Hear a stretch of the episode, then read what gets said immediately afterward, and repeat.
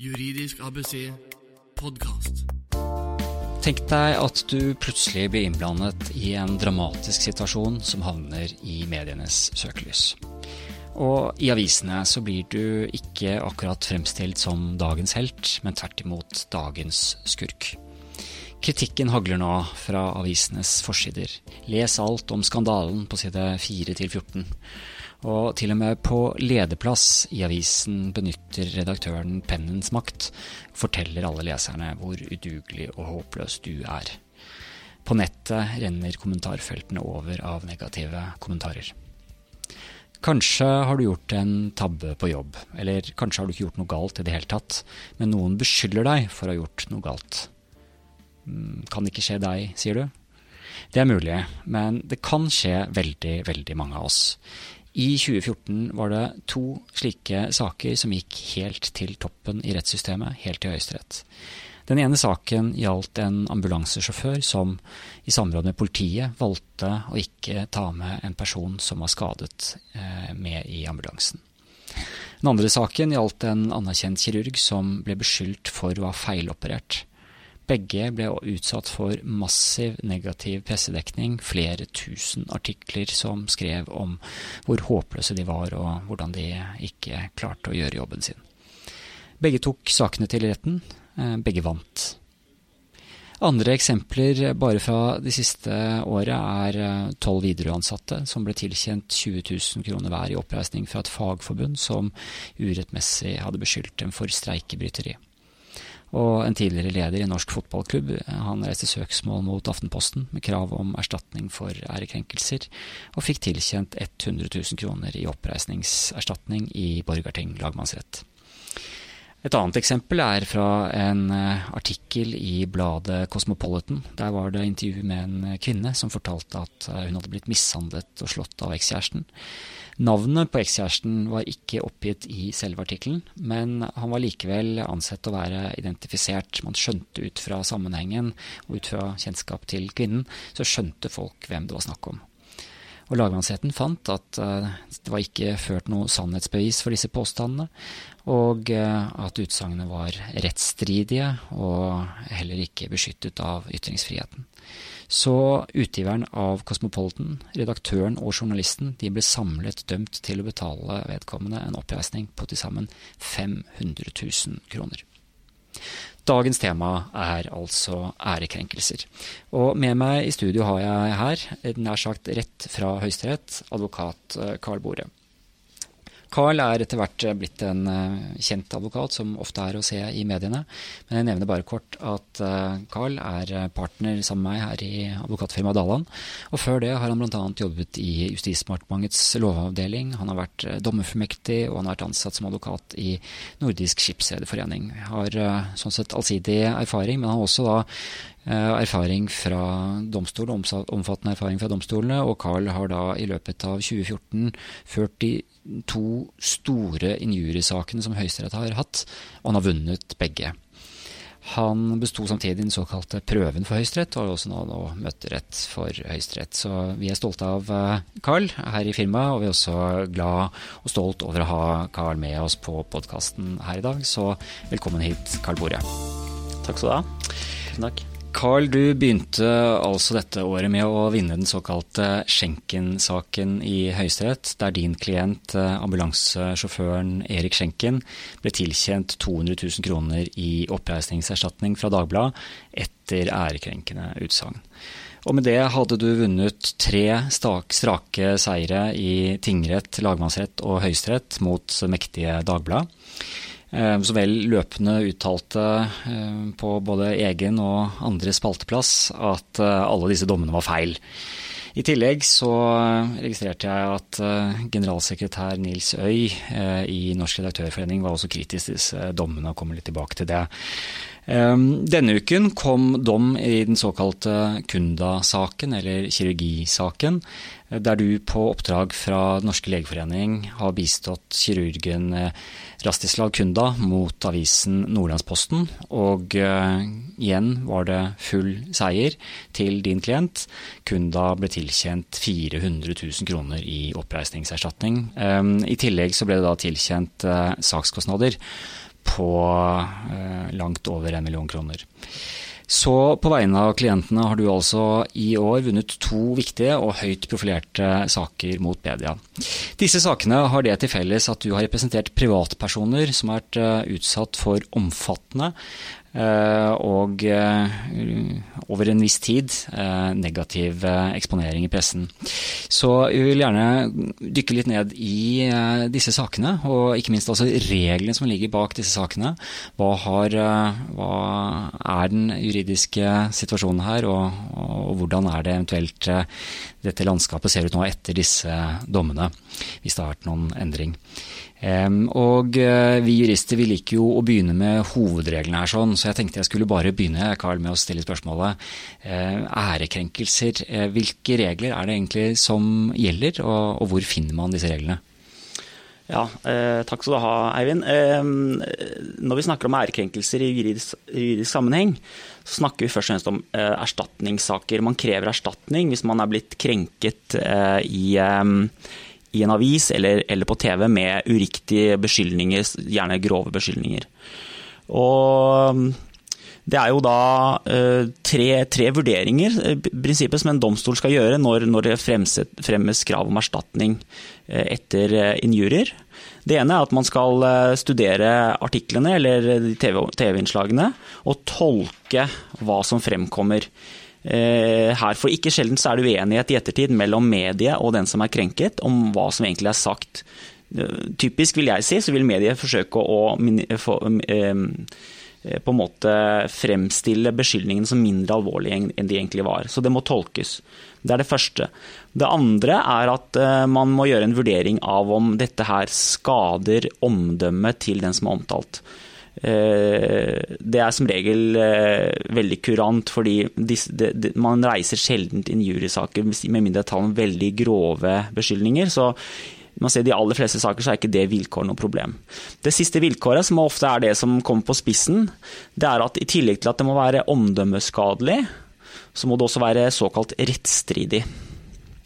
Og, og det, er, det, er, der på en måte sakens kjerne ofte ligger. Man skal gjøre en, i prinsippet en vurdering hvor man avveier ytringsfriheten, avisens eller TV-selskapets ytringsfrihet, opp mot personvernet til den som blir omtalt og krenket og, og omdømmeskadet.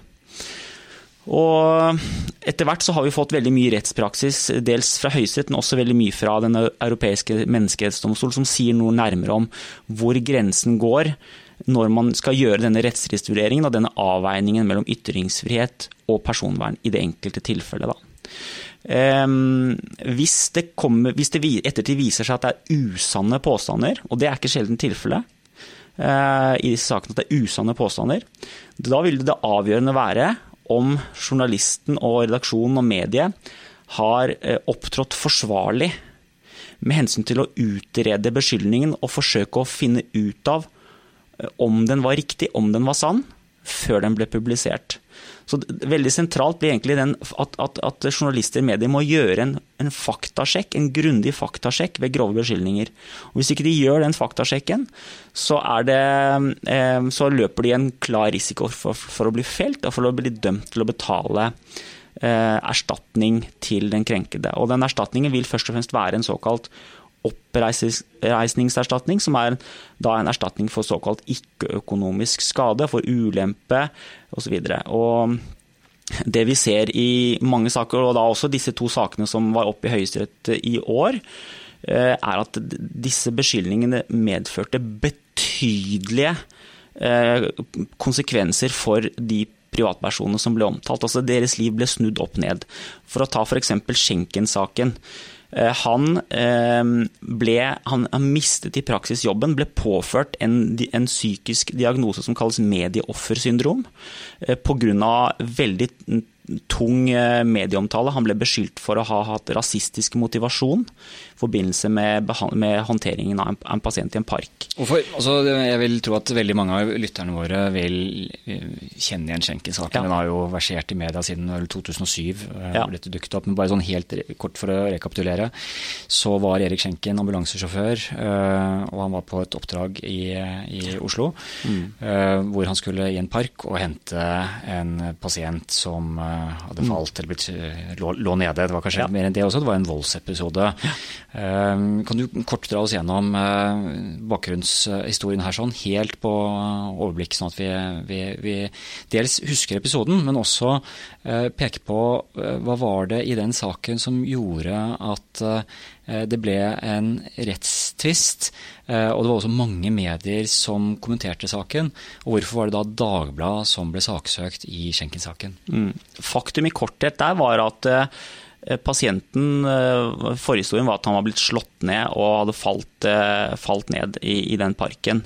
Når ambulansen kom, så var pasienten våken og var på vei opp. Han ble observert i henhold til de rutiner som er for observasjon på stedet.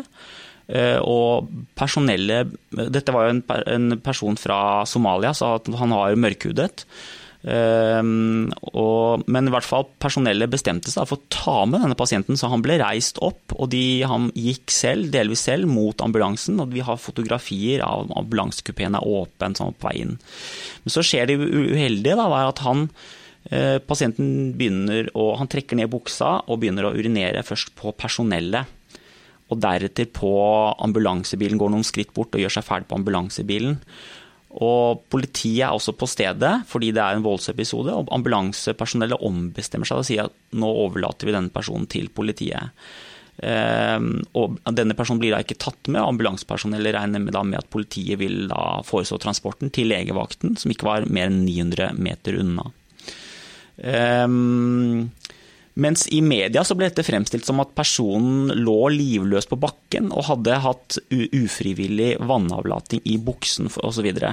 så en helt annen fremstilling. Og med den fremstillingen feilaktig som media viderebrakte, eh, så, ble, så begrunnet media eh, hendelsen med rasisme, og det var lett for folk å oppfatte det som rasisme når det var så uttalt eh, uansvarlighet fra, fra ambulansepersonellet. Angivelig mens i realiteten så var det en misforståelse som selv nevrokirurger på Ullevål sier jeg har selv misforstått mine pasienter mange ganger. Når de er skadet i hodet, så kan de noen ganger være tydelig preget, og da skjønner vi at de er skadet. Men andre ganger så kan de opp fremstå helt vanlig, men så gjør de uh, ukritiske handlinger.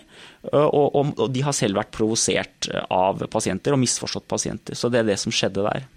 Hvorfor Dagbladet ble um, ble saksøkt. Det er jo nok flere grunner, men den viktigste grunnen var at det var Dagbladet som kom, etter hvert fremkom med de tyngste og groveste rasismebeskyldningene på lederplass og kommentarplass. Det var ingen avis som var tydeligere og mer fordømmende, og det var heller ingen avis som publiserte mer spalteplass og denne, en Dagbladet om saken, og denne saken rullet jo også i mange måneder mer eller mindre daglig i avisen. Så de fikk veldig mye salg. Forsidene til Dagbladet som, som, solgte avisen over uh, mange uker. og og, og, og, midt i dette så sto da din klient uh, Erik Schenken. Mm. Mm. Uh, og det, det, er parallelt for både da Schenken-saken og Kunda-saken her at vi snakker jo om før dette helt fullstendig ukjente personer som altså går på arbeid uten noen spesielle tanker. De bare mm. utfører arbeid, arbeidet sitt. Samfunnsnyttig arbeid. Her er det snakk om en ambulansesjåfør, og så har det da en kirurg i den, den siste mm. saken. Mm. Um, og plutselig så er de midt i et mediesirkus uh, og, uh, og, trekkes inn i dette. Uh, men kan du si noe også, kanskje dels generelt, men også i forhold til, til, til disse sakene. Hvordan er er forholdet her mellom eh, vanlige arbeidstakere som kommer opp i disse dramatiske situasjonene, og, og andre personer som kanskje har mer eh, samfunns, eh, altså et mer tydelig samfunnsbilde. Eh, og også i forhold til identifikasjon, for det med identifikasjon av disse personene har vært et tema i begge høyesterettssakene, sånn som jeg har notert det. Mm. Nei, det er klart at personer som er eh, er, har en større medieprofilering, er kjent, til og med kanskje kjendiser, de, de, må rett og slett tåle at en større del av deres privatliv blir publisert og omtalt uten at, uten at de, de kan forhindre det. Men, men altså, her snakker vi om hvorvidt en person er en offentlig person eller en privat person. Man sier generelt at en privat person Eh, som ikke har noe offentlig profil, han har et større vern enn en offentlig person. Men det, det, der ligger også en myte i medias liksom, praksis som egentlig ikke er riktig. fordi det følger også av praksis fra Strasbourg-domstolen at også kjente personer har et tydelig personvern. Man kan må sjekke faktum der òg. Så loven er lik for alle, sånn, i, både i utgangspunktet og også til dels i praksis? Da. Jeg tror loven er nokså lik når det gjelder at, man, at, journalister plikter å sjekke faktum. Så ja. der er det en myte som er uriktig, som lever i norsk presse. Um, når det gjelder det å bli identifisert av media, så, så, så er jo begge sakene, begge sakene sier også noe om det eh, på forskjellig plan. Eh, det Schenken-dommen sier, det som var forholdet i Schenken-saken, var at Schenken ble ikke identifisert med verken navn eller bilde. Ehm, og dette er jo viktig, fordi hvis man identifiserer en person i tilknytning til sterke beskyldninger, så vil jo skaden bli større på omdømmet. At, så det som var Spørsmålet der med identifikasjon var om han likevel kunne identifiseres ved å lese avisen, fordi avisen hadde gitt ulike andre opplysninger om han. Altså at han var mann, hvor han jobbet og den type ting. Og konklusjonen der ble at han var mulig å identifisere for en, for en omgangskrets, iallfall en krets av bekjente, venner, arbeidskolleger osv. At det var nok til at det vilkåret var på en måte oppfylt. Så det, det, det, man skal ta med seg fra den dommen når det gjelder identifisering, er at selv om media ikke bruker navn eller bilde på den som er omtalt, så kan det likevel artikkelen være tilstrekkelig identifiserende til at eh, det kan eh, eh, følge erstatningsansvar av artikkelen. Når det gjelder Kunda-saken, så var situasjonen helt annerledes. Han ble identifisert, fullt identifisert med navn og bilde fra første dag i avisen, Avisa Nordland. Og og der var spørsmålet mer om det var formildende at, eh, at, at, han var blitt identifisert. Fordi eh, avisen argumenterte med at det var jo andre leger også på sykehuset, og, og for å unngå forveksling, når man først gikk ut med disse beskyldningene mot legen, så, så, så var det greit å identifisere, for da, da var det praktisk. Da slapp de andre legene å, å bli forvekslet hos, hos leserne.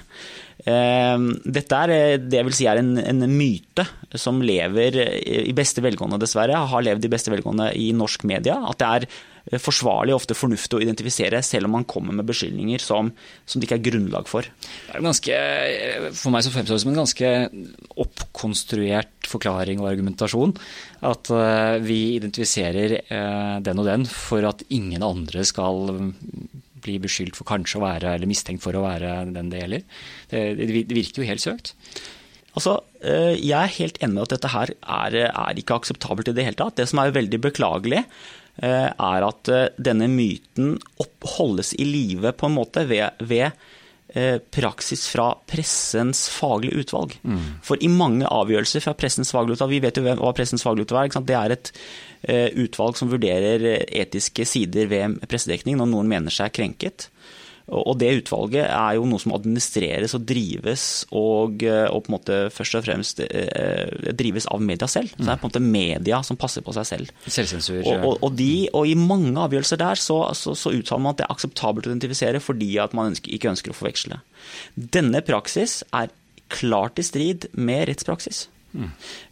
Det finnes ikke én dom så langt jeg er kjent med, fra Strasbourg-domstolen som overhodet er inne på tanken om at det er formildende å identifisere fullt ut. Det, det, vi har, er det helt det motsatte. Det er at dommer som sier at når en person er identifisert fullt ut, så, så skjerper det ansvaret, skadeevnen blir større, saken blir verre for media.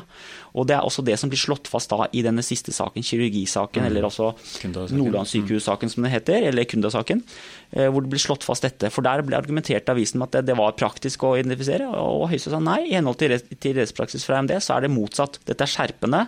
Eh, og det taler i retning av at det er rettsstridig og ansvarsbetingende slik resultatet ble. Og en sånn litt, og et litt interessant faktum der, også, i hvert fall sånn som jeg registrerte det, så var det da um, i denne Kunda-saken så var bildet avisen brukte for å illustrere eh, en av disse artiklene, som da ble ansett ærekrenkende, var et bilde som var tatt da Kunda kom til det lokale sykehuset. Hadde stilt opp eh, på en hyggelig reportasje, smilende med skalpellen i hånd. Eh, og plutselig så var dette da satt i en helt annen setting. Vi presenterte Schenken-saken litt på overskriftsnivå og minnet lytterne på den.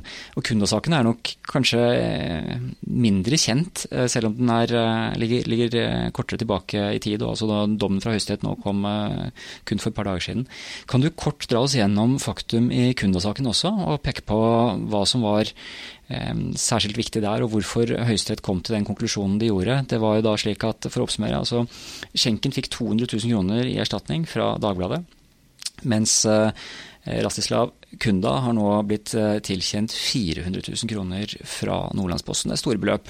Eh, kan du si litt om Kunda-saken og disse dommene, kanskje litt i forhold til erstatningssummen? Se de, de litt opp mot hverandre?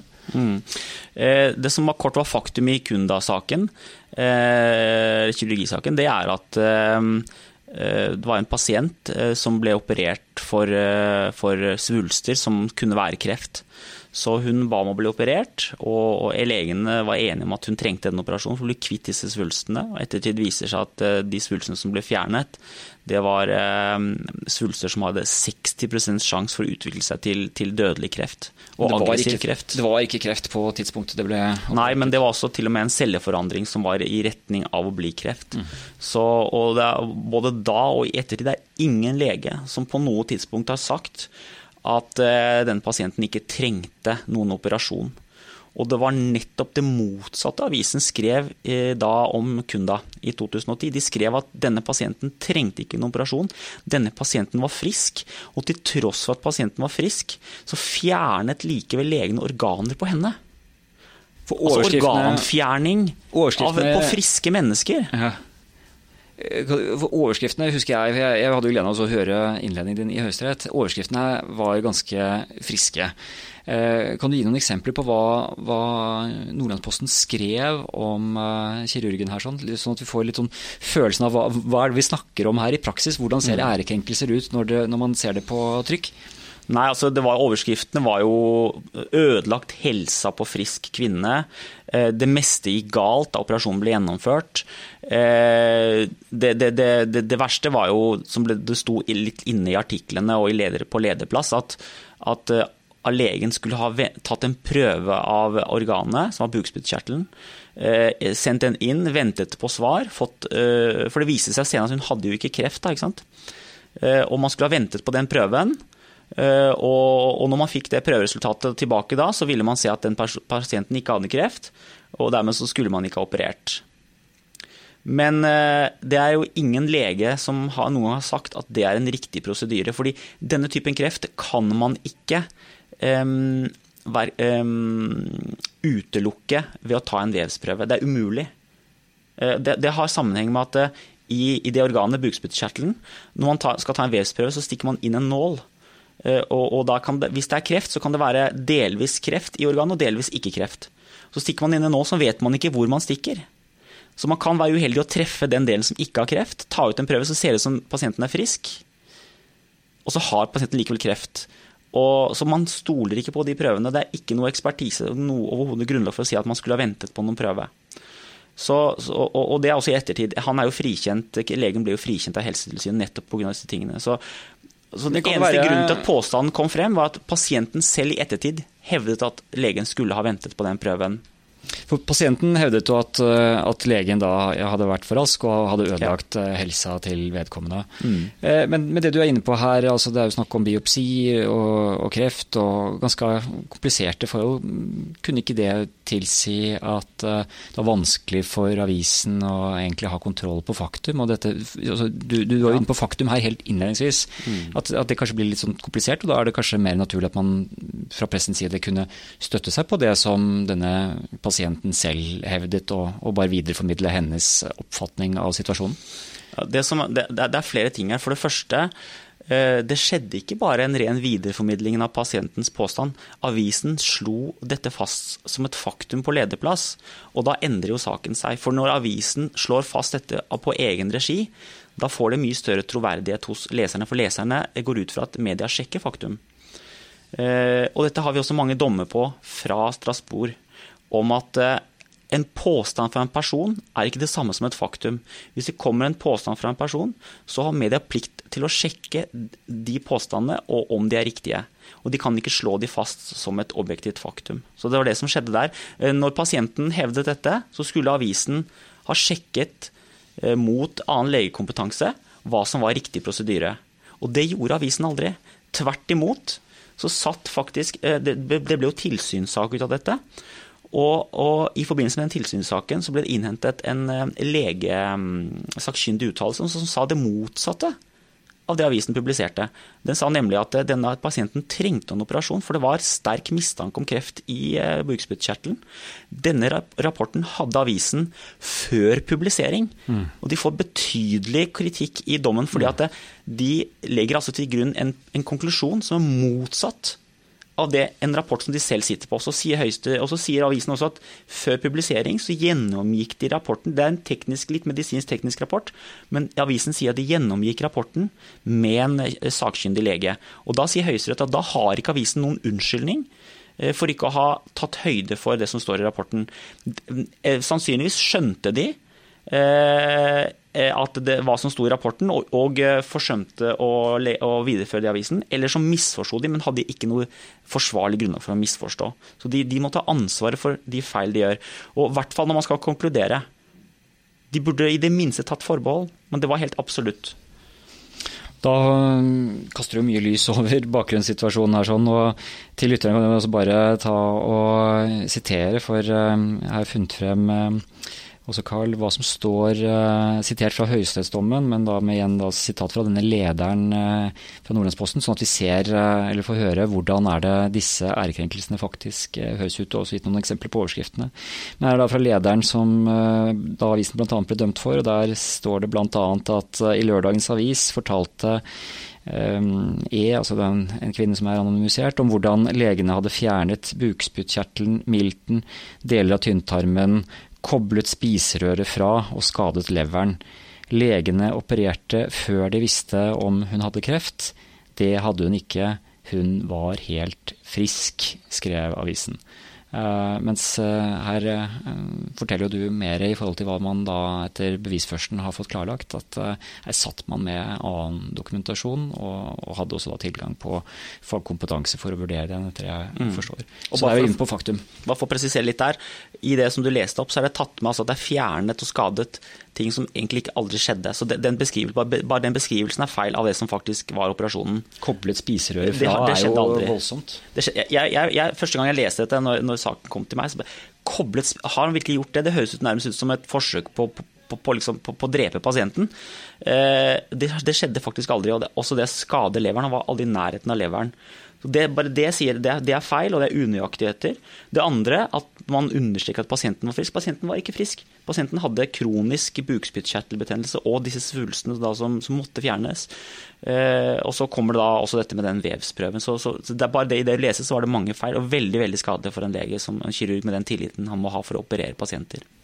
Ja, jeg tenker altså Vi er jo i yrker hvor, hvor man alltid er eksponert for en type ansvarssituasjon. Men det er veldig mange yrker hvor, hvor man enten man står med skalpellen eller står i retten eller eh, fører motorvogn eller hva det måtte være. Altså det, det, er veldig mange yrker hvor man er i eh, fare for å, å, gjøre et eller annet, eller bli beskyldt for å gjøre et eller annet. I, i, i kirurgisaken så, så, var det så etter det forstår, så var det business as usual, det som ble utført. Det var, det var slik, slik gjorde man eh, operasjonene ved dette sykehuset. Men, mm. Men, eh, men da kan man altså Eh, ser vi her, eh, komme i situasjoner hvor ting ikke bare blir unøyaktig, men også direkte feilaktig brukt av avisene. Formodentlig da i, i salgsøyemed. Juridisk ABC podkast. Eh, jeg var inne på dette i forhold til erstatningssummene. Det er jo, det er jo store beløp. Altså for, eh, for, en arbeidstaker så er det jo eh, Dette er da tort og svie som er idømt i disse sakene. Altså oppreisningserstatning og, og henholdsvis 200 og 400 000 kroner. Kan du si noe om erstatningsnivået i denne type saker, både i retten og eventuelt ved forlik? Og, og hvordan, man, hvordan, kommer man frem til beløpene? Er det fingeren i været og hva som er rimelig, eller har man noen retningslinjer å følge? Det er nokså skjønnsmessig hvordan man beregner erstatningene. Eh, og det brukes som regel ikke mye plass på dette, selve erstatningsberegningen når, når domstolen først konkluderer med at det er ansvar. Eh, så har vi en praksis som, som gir en viss sånn pekepinn om hvor nivået skal være. Eh, men men nokså skjønnsmessig. Ellers så vil jeg si at disse, det handler ikke bare om den oppreisningen som blir dømt. fordi For mange som er omtalt og krenket og fått skadet omdømme i media, så handler det også om å få en renvaskelse. Eh, og selv om saken formelt handler om medias ansvar, og ikke eh, si, det ansvaret som omtalte påstås å ha hatt i avisen, så vil det likevel opp, ofte oppleves som en renvaskelse å vinne mot media. Og Det tredje når det gjelder økonomi her, som man bør tenke på, det er at eh, disse sakene har jo kostet media betydelig mer penger enn de, eh, de oppreisningsbeløpene som du nevner. Schenken-saken og kirurgisaken. Kirurgisaken eh, har jeg nå i dag gjort en beregning på kostet Avisen Nordland over 5 millioner kroner alt i alt med saksomkostninger i tre runder for to advokathold og forsinkelsesrente og oppreisningen. Og Schenken-saken lå vel på rundt 9 millioner kroner for Dagbladet. Så, så, og, eh, mens, mens, og, og, det spennet som er mellom saksomkostninger, som altså mange mange millioner kroner, og oppreisning, som er noen hundre tusen, bør jo tilsi at media, når de får en klage fra en som er omtalt, bør jo gå inn i en reell dialog og prøve å forlike de sakene. Mm. På noen få hundre tusen, relativt sett lite penger, sammenlignet med de voldsomme oppsaksomkostningene. Ehm, og ofte så skjønner jo media selv at de, de har gått i bar, de har tråkket i salaten. Og hvorfor ikke bare da, ehm, om ikke innrømme ansvar, så iallfall gi denne omtalte et plaster på såret, og så, og så sparer man budsjettene. Uh, og når man forliker, så er det også mulighet for, for, for konfidensielle forlik. Mm. Uh, slik at ikke det vil få noen prinsipielle konsekvenser. Um, og, og, i en tid f.eks. hvor Dagbladet er i store økonomiske problemer med omfattende nedbemanning og flytting av, av hovedkontor osv. Til, til mindre liksom, uh, attraktive steder, og mye problemer der, så er det helt klart saksomkostninger og kostnader på 9 millioner kroner er jo 10-15, kanskje 20 årsverk ikke sant? Mm. i en nedbemanningsperiode. Så her må jo også ledere der eh, på en måte øh, gjøre en grundig vurdering av hva som egentlig avisen totalt sett er best tjent med. Og Apropos totalt, altså det du snakker om er jo de rene sakskostnader, mm. stort sett altså advokatsalær. Mm. I tillegg kommer alle interne kostnader med å være innblandet i en slik prosess. Og også de litt mer diffuse, eller enda mer diffuse kostnadene som ligger i type omdømmetap for mm. et medie som eh, blir eh, dømt for å ha, ha eh, Eh, publisert den type uttalelser. Men vi er inne på, ja. det, er veldig riktig og viktig det du kommer inn på der, Eivind. fordi at eh, det også gjennom en sak som har 1,5 millioner i omkostning for én advokat i en runde, det er klart at der, det innebærer ikke bare at advokaten har jobbet mye, men klienten har selv jobbet forferdelig mye med saken i hver runde. Og sånn som I, i tingretten lagmannsretten Schenken-saken hadde vi jo flere journalister. Hvor mye tid har ikke de satt av til, til, til, til å gjennomgå saken, til, å forberede seg, til, å gjøre avhør? og andre personer. Og omdømmesiden er også veldig viktig. Selvsagt. Dagbladet er ingen tvil om for noen i dag at Dagbladet har kommet dårlig ut omdømmemessig etter den, denne Schenken-saken. Så skal vi vel da bare sånn for ordens skyld her si at uh, denne, denne Schenken-saken er vel uh, klaget inn til Strasbourg, så, så mm. i teorien så kan det komme en, eh, en, et etterspill der sånn. Uh, men da er, da er for så vidt vel din rolle over i saken. Da er det mm. staten Norge som eventuelt må dømmes for at Høyesterett har, har, eh, skulle ha kommet til en feil, feil, feil resultat. Og, og eh, tilsvarende vil da selvfølgelig Kunda-saken, som nå er helt fersk, vil jo teoretisk sett kunne, kunne, tas videre til Strasbourg. Men vi forholder oss til at Høyesterett er øverste domstol i Norge. Så i hvert fall for denne podkastens del så mm. legger vi det til grunn. Du hører Juridisk ABC podkast. Vi var inne på nå litt mer sånn type praktiske eh, elementer i forbindelse med disse ærekrenkelsessakene.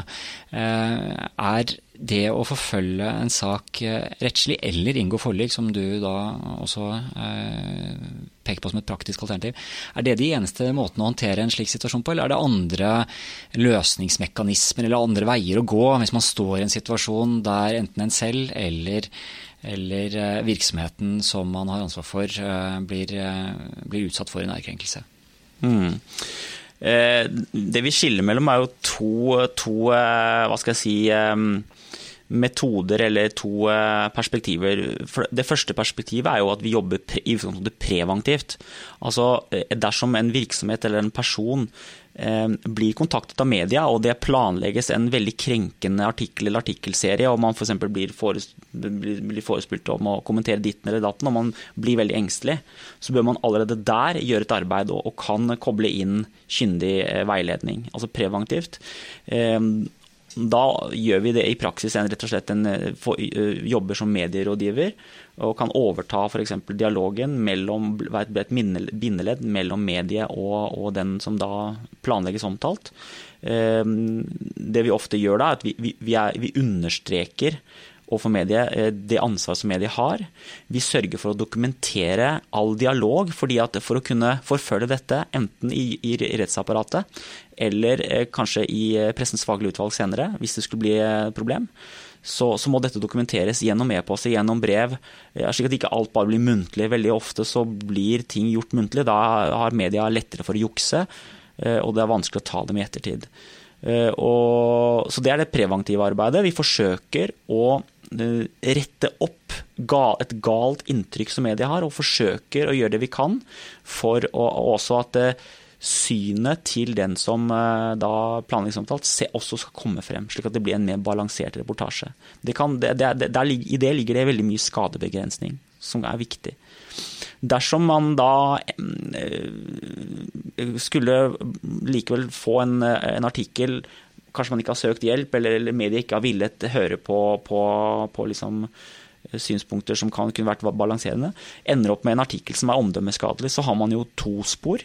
Det første er jo at man kan klage inn mediet til Pressens faglige utvalg, som er et, da, et såkalt presseetisk organ. Det er et eget regelverk, den såkalte Vær varsom-plakaten, eh, som da vurderes av PFU. Dette er et organ som eh, forvaltes og administreres av pressen selv, og et, et, eh, et, et, nemnd hvor det er syv medlemmer som skal da votere over om presseetikken er brutt i en enkeltstående sak. Og fire av disse syv medlemmene er representanter for pressen, så pressen styrer dette. Men vi mener likevel at vi ofte får en fair behandling av disse sakene. I prinsippet eh, heter det seg at hvem som helst kan sende inn sin egen klage til PFU og få den behandlet, og det koster ingenting. Men vi ser at i noen saker, noen saker er såpass komplisert, og regelverket også er, kan være komplisert i en del situasjoner, at man trenger likevel kyndig veiledning til å føre en PFU-sak. Eh, så det bistår vi også en del med. Eh, det er bare sånn, for, å, for, å, oppsummere det i forhold til, ja. til, til eh, klagesak. altså det, man, man, kan skrive den selv, men, men, det er også noe som, som du og andre advokater eh, har erfaring med. Du har da sendt inn flere klager til, til PFU. Mm. Um, er det noe gebyr eller noe annet, er det noen sånn type kostnader? Og, og, og, kan man også bli idømt sakskostnader i forbindelse med at man da skal bli dømt for eller få noe ansvar for å ha sendt inn en klage det ikke var grunnlag for? Mm, nei, generelt så er det ingen økonomiske aspekter ved en klage. Det koster ingenting å sende klagen i seg selv. Eh, hvis vinner, men hvis man vinner, så får man ikke tilkjent noen saksomkostninger. Bruker man da f.eks. advokat til å gjennomføre den saken, så vil, man, så man ende opp med de saksomkostningene selv. Så det er eventuelt en investering i å ivareta sitt eget eh, ja. gode navn og rykte? Ja. Det kan være at man kunne, hvis det blir en injuriesak, et søksmål senere, at man kunne kanskje fremmet det som et eget erstatningskrav. Men det, i utgangspunktet må man påregne at de omkostningene Eh, må man bære selv. Så det vi ser særlig ofte, det, det, det, de, de, sakene hvor det kanskje særlig kan være grunn til å bruke sakkyndig veiledning med de klagene, det er hvor det gjelder eh, kanskje virksomheter som har økonomi, eh, og som også har et omdømme å beskytte. Det har vi hatt en rekke saker på. Offshoreselskaper, bil, bilbedrifter, andre ting som har fått, er med, som har fått uheldig omtale i media. Som da, fordi når ting havner inn på nettet, vi, vi, vet jo hvordan det er, alle googler alle. Mm. Og, og, når det havner på nettet, så, så, så skader det omdømmet, man kan miste kunder. Og eh, så dårlig omdømme det, det får betydning for bunnlinja i en mm. bedrift. Eh, og det har også betydning å få stoppet Noen ganger så henger media seg opp i bestemte firmaer eller bestemte personer som skal henges ut liksom jevnlig. Og det kan også ha en betydning å få stoppet dette. Så PFU er eh, da et, et, praktisk alternativ som man i hvert fall kan vurdere, og som du har, ja. Eh, har erfaring med. Eh, eh, I Dagens Næringsliv 10.12.2014 så er det en Det er ikke Dagens Næringsliv som skriver dette, det er en, et, en kronikk som er skrevet av forlegger Anders Cappelen. Han er forfatter eh, og PFU-klageskribent også, har i flere år eh, engasjert seg i Kunda-saken, fremgår det av avisens egen beskrivelse. her sånn, og Der skriver Cappelen følgende at for pressens faglige utvalg, altså PFU, er Kunda-dommen spesielt vanskelig. PFU har i flere uttalelser sagt at presseetikken må være strengere enn jussen. Men Kundas fire PFU-klager endte med blank frifinnelse for de innklagede presseorganene. I det som fremstår som det til da groveste norske pressejustismordet i nyere tid, var ikke pressens egen klageinnsats mye verdt. Eh, her sitter du med full oversikt over faktum, og, og altså denne uttalelsen fra Cappelen den, den, virker jo litt kontrær i forhold til det du hevder om, om PFU. Hvordan, eh, eh, hvordan, hva, hva, tenker du om uttalelsen som, eh, som Anders Cappelen kom med her? Det er klart at uh, ideelt sett, uh, når, når, det ender med et komplett tap for mediet i Kundas sak i Høyesterett, så burde jo mediet også vært felt i PFU. Mm. For I, i, så det, så det i Høyesterett var vel et argument som Nordlandsposten brukte med stor tyngde, at man hadde blitt frifunnet av PFU, og pressen selv vet jo hvordan, hvordan man skal håndtere og vurdere hva som er krenkende eller ikke. Men, mm. men, men her hadde man et klart avvik. Um ja, og, og, det ble brukt som et argument. Og, og vi har jo rettspraksis på eh, bl.a. Memo-dommen fra 2010, Høyesterett, som sier at eh, dersom et medium er dømt i eh, PFU, pressens eh, etiske organ, så, så så vil det trekke i retning av ansvar i en senere en jurysak. Så der, der, der, er det en klar sammenheng. Og det er vel det Avisa Nordland De het Nordlandsposten før, det er liksom det gamle navnet. nå er det Avisa Nordland. Mm. De, de, sier at eh, Og det, det, det er argumentert ut fra. Eh, avisen ble frifunnet i, i PFU. Og det, det, må da tale til vår fordel. Hvorfor skal vi dømmes da i, i Høyesterett? Mm, hele denne, denne, hendelsesforløpet avdekker jo en svakhet ved PFUs behandling. Um, fordi at man, man, den, avisen skulle vært dømt der. Mm. Så, så man spørre hvorfor, hvorfor ble man frifunnet, og hva er egentlig denne svakheten går ut på? Jeg mener at kanskje at man ikke skal være så altfor kritisk i forhold til at det ble et avvik her. Ehm, dette spørsmålet om hvorfor, hvorfor avisen ble mm, frifunnet, har jo blitt belyst før, og det viser seg, og det er min oppfatning også når jeg har sett litt på det, at klagen var nok for dårlig skrevet. Okay. Uh, og det er ikke bare jeg som mener, også mm. de medlemmene PFU har jo syv medlemmer, tre av dem er, er borgere, personer som ikke er, har kontakt med pressen. De skrev i ettertid et innlegg i, uh, i avisen, jeg tror det var Dagens Næringsliv, hvor de, hvor de påpekte nettopp det. De mente at klagen antagelig var for dårlig og for svak. Eh, viktige punkter i viktige problemer med Avisa Nordland sin dekning ble ikke belyst i klagen. slik at mm. Dermed så tok ikke PFU stilling til det. Et viktig punkt jo, er jo eh, Vær varsom-plakatens krav om at den krenkede skal ha anledning til, til å komme med eh, motsynspunkter samtidig som artikkelen trykkes. Og Da må man kontakte krenkede, og, og man må forelegge krenkede de beskyldningene man planlegger å trykke. Det skjedde jo aldri i eh, denne saken med Kunda. Han fikk jo aldri beskjed om hvilke beskyldninger som skulle trykkes. Så det var et klart brudd på Vær varsom-plakaten. Men dette punktet ble ikke tatt opp i klagen. Hadde det vært tatt opp, så hadde Avisa Nordland sannsynligvis blitt dømt der. Men dette er jo veldig interessant, eh, for det du egentlig sier er at eh, man kan gjøre seg selv en bjørnetjeneste ved å sende inn en dårlig utformet klage til PFU. Og eh, da bør man vel kanskje gjøre et grundig og godt stykke arbeid hvis man skal sende inn en PFU-klage, og kanskje til og med få profesjonell bistand? Ja, ja, ja, du brukte ordet bjørnetest. Jeg, jeg syns ikke det er helt urimelig. Fordi at, fordi at selv om, selv om Høyesterett i Kundas sak ikke la avgjørende vekt på at, Kunda, at, at, Avisa Nordland ble frifunnet i PFU, så var det likevel et argument som kom fra avisen som vi måtte håndtere og, og, og forholde oss til og argumentere rundt. Så det skapte en utfordring for oss. Videre sånn at eh, hvis en bedrift eller en person som er omtalt av omdømmemessige grunner, går til PFU, og så vil man helst vinne det der. Det, det, det er det som vil kunne medføre et, gi et løft på omdømmet, at man går til PFU og vinner den. Mm. Så hvis man da sender inn en dårlig klage, og pga. det ender med tap, så er jo det kontraproduktivt. Og det kan godt for min del noen ganger kalles en bjørnetjeneste. Så, og, og, det er som du sier, i prinsippet er dette et lavterskeltilbud osv. Hvem som helst kan i prinsippet sende en klage, til, ingenting osv. Men, men hvis, det, hvis, man har planer senere om en rettssak, eller det er viktig å få formålet med med PFU-saken ikke bare å få dømt medier, men å få en opp, omdømmemessig opp, oppsving. Og disse PFU-avgjørelsene blir ofte omtalt i media så, så, så, er det viktig å gjøre det man kan for å vinne den. Og da må man i en del tilfeller bruke sakkyndig, eh, typisk advokat, til å, å, gjennomføre de klagene, slik at man, øker, slik at man eh, maksimaliserer vinnersjansene der. Uh, og, og, det var faktisk et av de poengene som jeg sa. Tre, tre av disse medlemmene i PFU gikk senere ut og omtalte Kunda-saken og hvorfor Kunda ble frifunnet. Og de påpekte det selv, at det, i prinsippet er PFU et lavterskeltilbud, men i en, en del en del saker så skal vi likevel ikke bli skjul på at det kan være en fordel med sakkyndig hjelp til å få sendt inn PFU-klagen. Dette er Juridisk ABC-podkast med advokat Eivind Arntzen. Hvis vi mot slutten der sånn skulle prøve oss å oppsummere litt, hva er dine beste råd til en som havner i medienes søkelys? Altså, det beste rådet er egentlig, tror jeg, å starte før omdømmeskaden skjer. Altså for at På et tidspunkt så vil man jo normalt bli kontaktet av media som sier eh, nå er jeg i ferd med å skrive en sånn og sånn type sak om, om ditt firma eller din, ditt liv, eh, som man skjønner kan få en veldig stygg omtale.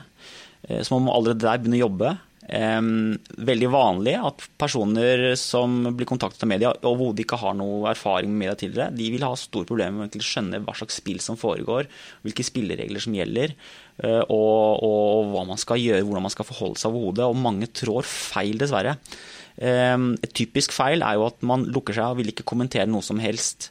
Eh, da vil jo ikke Ofte vil jo man jo ha motargumenter til den kritikken man planlegger å publisere. Og Da er det viktig at de motargumentene kommer frem. Og Da må man ha en dialog med media. Man kan ikke lukke seg og si nei, jeg vil ikke kommentere noe. Med mindre man kanskje man har taushetsplikt, så kan det være Og selv med taushetsplikt så kan man faktisk i noen grad gi indirekte kommentarer. Ehm, så ikke lukke seg. altså Man må komme med sine egne synspunkter. Det er viktig, for da blir det en mer, et mer balansert syn.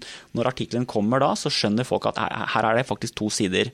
Så man i egeninteresse, vær åpen, men man må samtidig vite hva spillereglene er. Et annet punkt er at man må uteske, man må, man må lirke ut de påstandene som media har tenkt å publisere om deg. Ofte så holder media dette tett for brystet. Fordi at eh, Hvis man får bli kjent med de påstandene, så kan det ofte være mange misforståelser. og Man kan tilby tilleggsbevis, tilleggsinformasjon til journalisten før publisering, som medfører at journalisten presses til å droppe den ene, den andre, den tredje påstanden. Men også det forutsetter at du skjønner spillereglene. Eh, Vær varsom-plakaten har jo klare spilleregler på hva, hva slags beskyldninger som media må forelegge deg, som da risikerer å bli omtalt, på forhånd. Der syndes det veldig ofte. Vær varsom-plakatens 4.14 om såkalt samtidig imøtegåelse er antagelig den paragrafen i Vær varsom-plakaten som brytes mest. Eh, den måten man unngår å bryte den på, er å, å kontakte journalisten og si dette og dette og dette gir eh, Vær varsom-plakaten meg rett til å vite, og nå skal jeg få det. Og så skal du dokumentere den dialogen. Typisk jeg å si til journalisten at nå skal vi snakke sammen på mail. Hmm. Understreker. Mm. Du forlanger å ha disse, disse beskyldningene frem. Da vil det ofte fremkomme at en eller flere beskyldninger er direkte feil, og det er lett for deg å sende bevis til journalisten og si eh, disse beskyldningene er faktisk feil, og da må de lukes vekk. Det vil også kunne medføre betydelig eh, fordel for, for deg som da risikerer å bli omtalt. Så preventivt. Eh, og, og, vi ser også at vi har fått flere oppdrag fra offshoreselskaper, andre selskaper, som i første omgang har uh, søkt råd uh, i en sånn preventiv fase fra et uh, PR-rådgivningsselskap. Og, og, det de opplever, er at en, en advokat vil på en måte i mye større grad kunne presse mediet med f.eks. trusler om søksmål, trusler om, om, om, klager, som kanskje en PR-rådgiver uten juridisk kompetanse har litt, mer, litt mindre liksom, vanskelig å få skikkelig troverdighet på. Ja, hvor mange vil tenke at uh, I en sånn situasjon så er det PR-rådgivere man, man, snakker med, mm. men, men det, man tenker ikke på at advokater ofte driver med det samme. Som, advokater mm. som deg, som, som har førstehånds kjennskap uh, til hvordan, uh, hvordan, dette fungerer, og i tillegg er å si, du, du, er en vekter, men du er også bevæpnet ved at du har muligheten til å, å ta saken til Høyesterett, mm. om det så skulle være. Mm. Det er faktisk ikke alltid sånn at PR-rådgivere Ofte har PR-rådgivere ikke full oversikt over akkurat, akkurat, hvor de rettslige grensene går. Mm. Så det at journalisten møter en advokat som har den spesialkompetansen, og forteller journalisten jeg vet akkurat hvor grensen din går og hvilke krav jeg kan stille til deg, da får du respekt, og du får eh, en eh, mer redelig og åpen og ordentlig behandling av journalisten før publisering. Så vi får stadig flere saker fra, fra, som, som, kommer på en måte opprinnelig har vært hos et PR-byrå, og som kommer til oss etter hvert. Så det er det preventive. Eh, ofte en del tilfeller så hører ikke vi om saken før, før, før eh, liksom det er kommet en, en, en, artikkel en artikkelserie som er veldig skadelig, og så blir vi kontaktet hva vil ha hjelp. Da er det jo to spor. Det ene er PFU-klage. Eh, klage til Pressens faglige utvalg. Det andre er et, eh, å vurdere et søksmål for å kreve oppreisning. Og som jeg, vi var inne på i sted, så henger de to litt sammen. for hvis du vinner i PFU, så vil det ofte tale til din fordel når du senere saksøker. Eh, men også det å vinne PFU kan i seg selv være en, en, en oppreisning for omdømmet.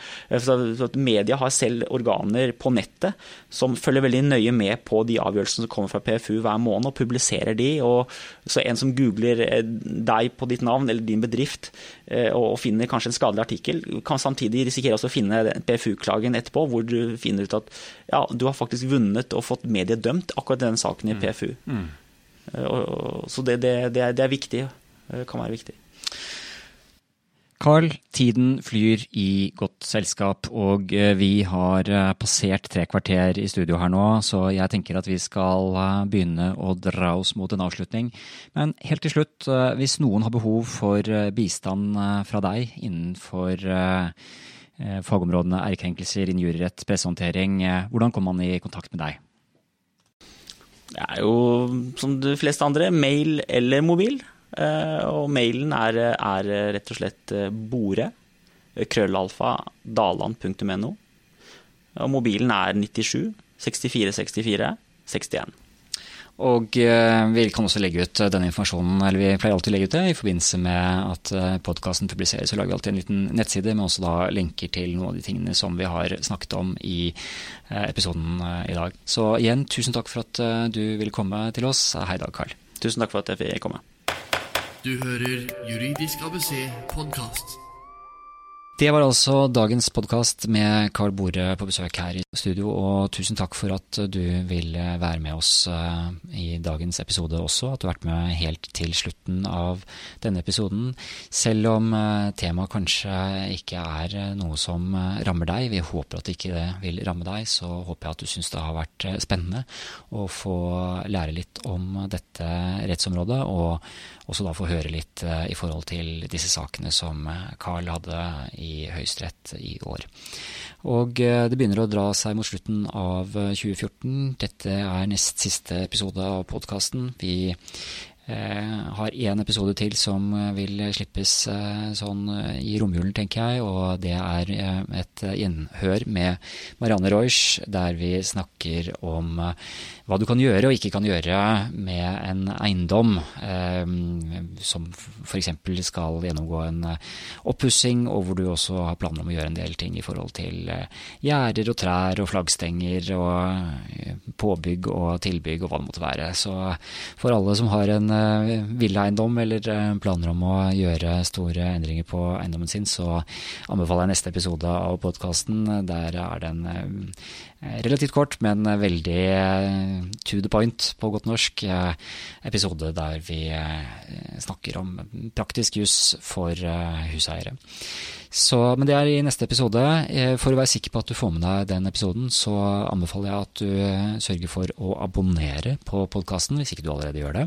Så bruk den eh, appen du måtte ha på telefonen din, eller eventuelt på Mac-en eller PC-en, og sørg for å krysse av på at du abonnerer på Juridisk ABC podkast, så er du sikker på å få neste episode.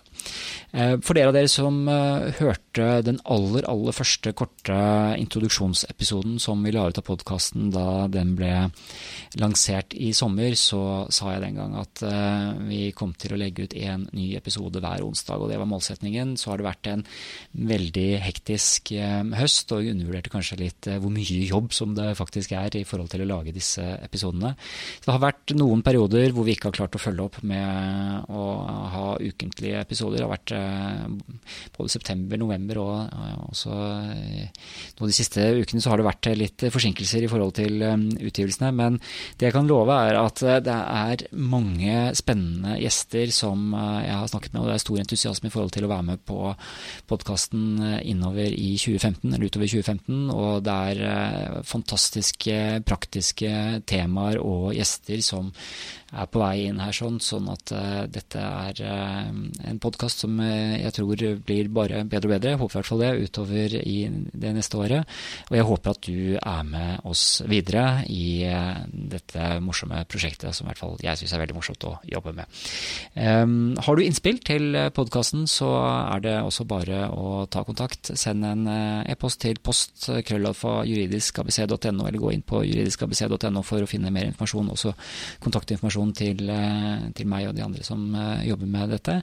Og eh, så håper jeg at du også tar det tid til å gå innom iTunes og legge inn lite, en liten anmeldelse hvis du har anledning til det. Det er noe vi setter veldig stor pris på. Det hjelper oss å bli synlig, og det gjør også at grunnlaget for podkasten blir styrket. Så dagens oppfordring Eh, sørg for at du abonnerer på podkasten. Legg gjerne inn en anmeldelse på iTunes, og send oss gjerne tilbakemeldinger, sånn at eh, podkasten kan bli bedre. Vi er her for å lage en best mulig podkast for deg, og vil ta opp de temaene du er opptatt av. Og eh, da er det også greit å få noen tilbakemeldinger på om vi er på rett kurs, eller om det er noen andre praktiske temaer som du gjerne vil høre mer om. Så det var alt for i dag, og så håper jeg du følger med i neste episode, der Marianne Reusch og jeg har en artig samtale om hva du kan gjøre med eiendommen din. Så takk for i dag. Ha det bra. Du har hørt Juridisk ABC podkast. For mer informasjon om dagens tema, se juridiskabc.no. Her finner du flere podkaster og artikler innen arbeidsrett, eiendomsrett, familierett og temaer for deg som driver egen virksomhet. Meld deg på vårt nyhetsbrev på juridiskabuseet.no. Produsert av Øystein Weibel og Kanonlyd. Kaboom!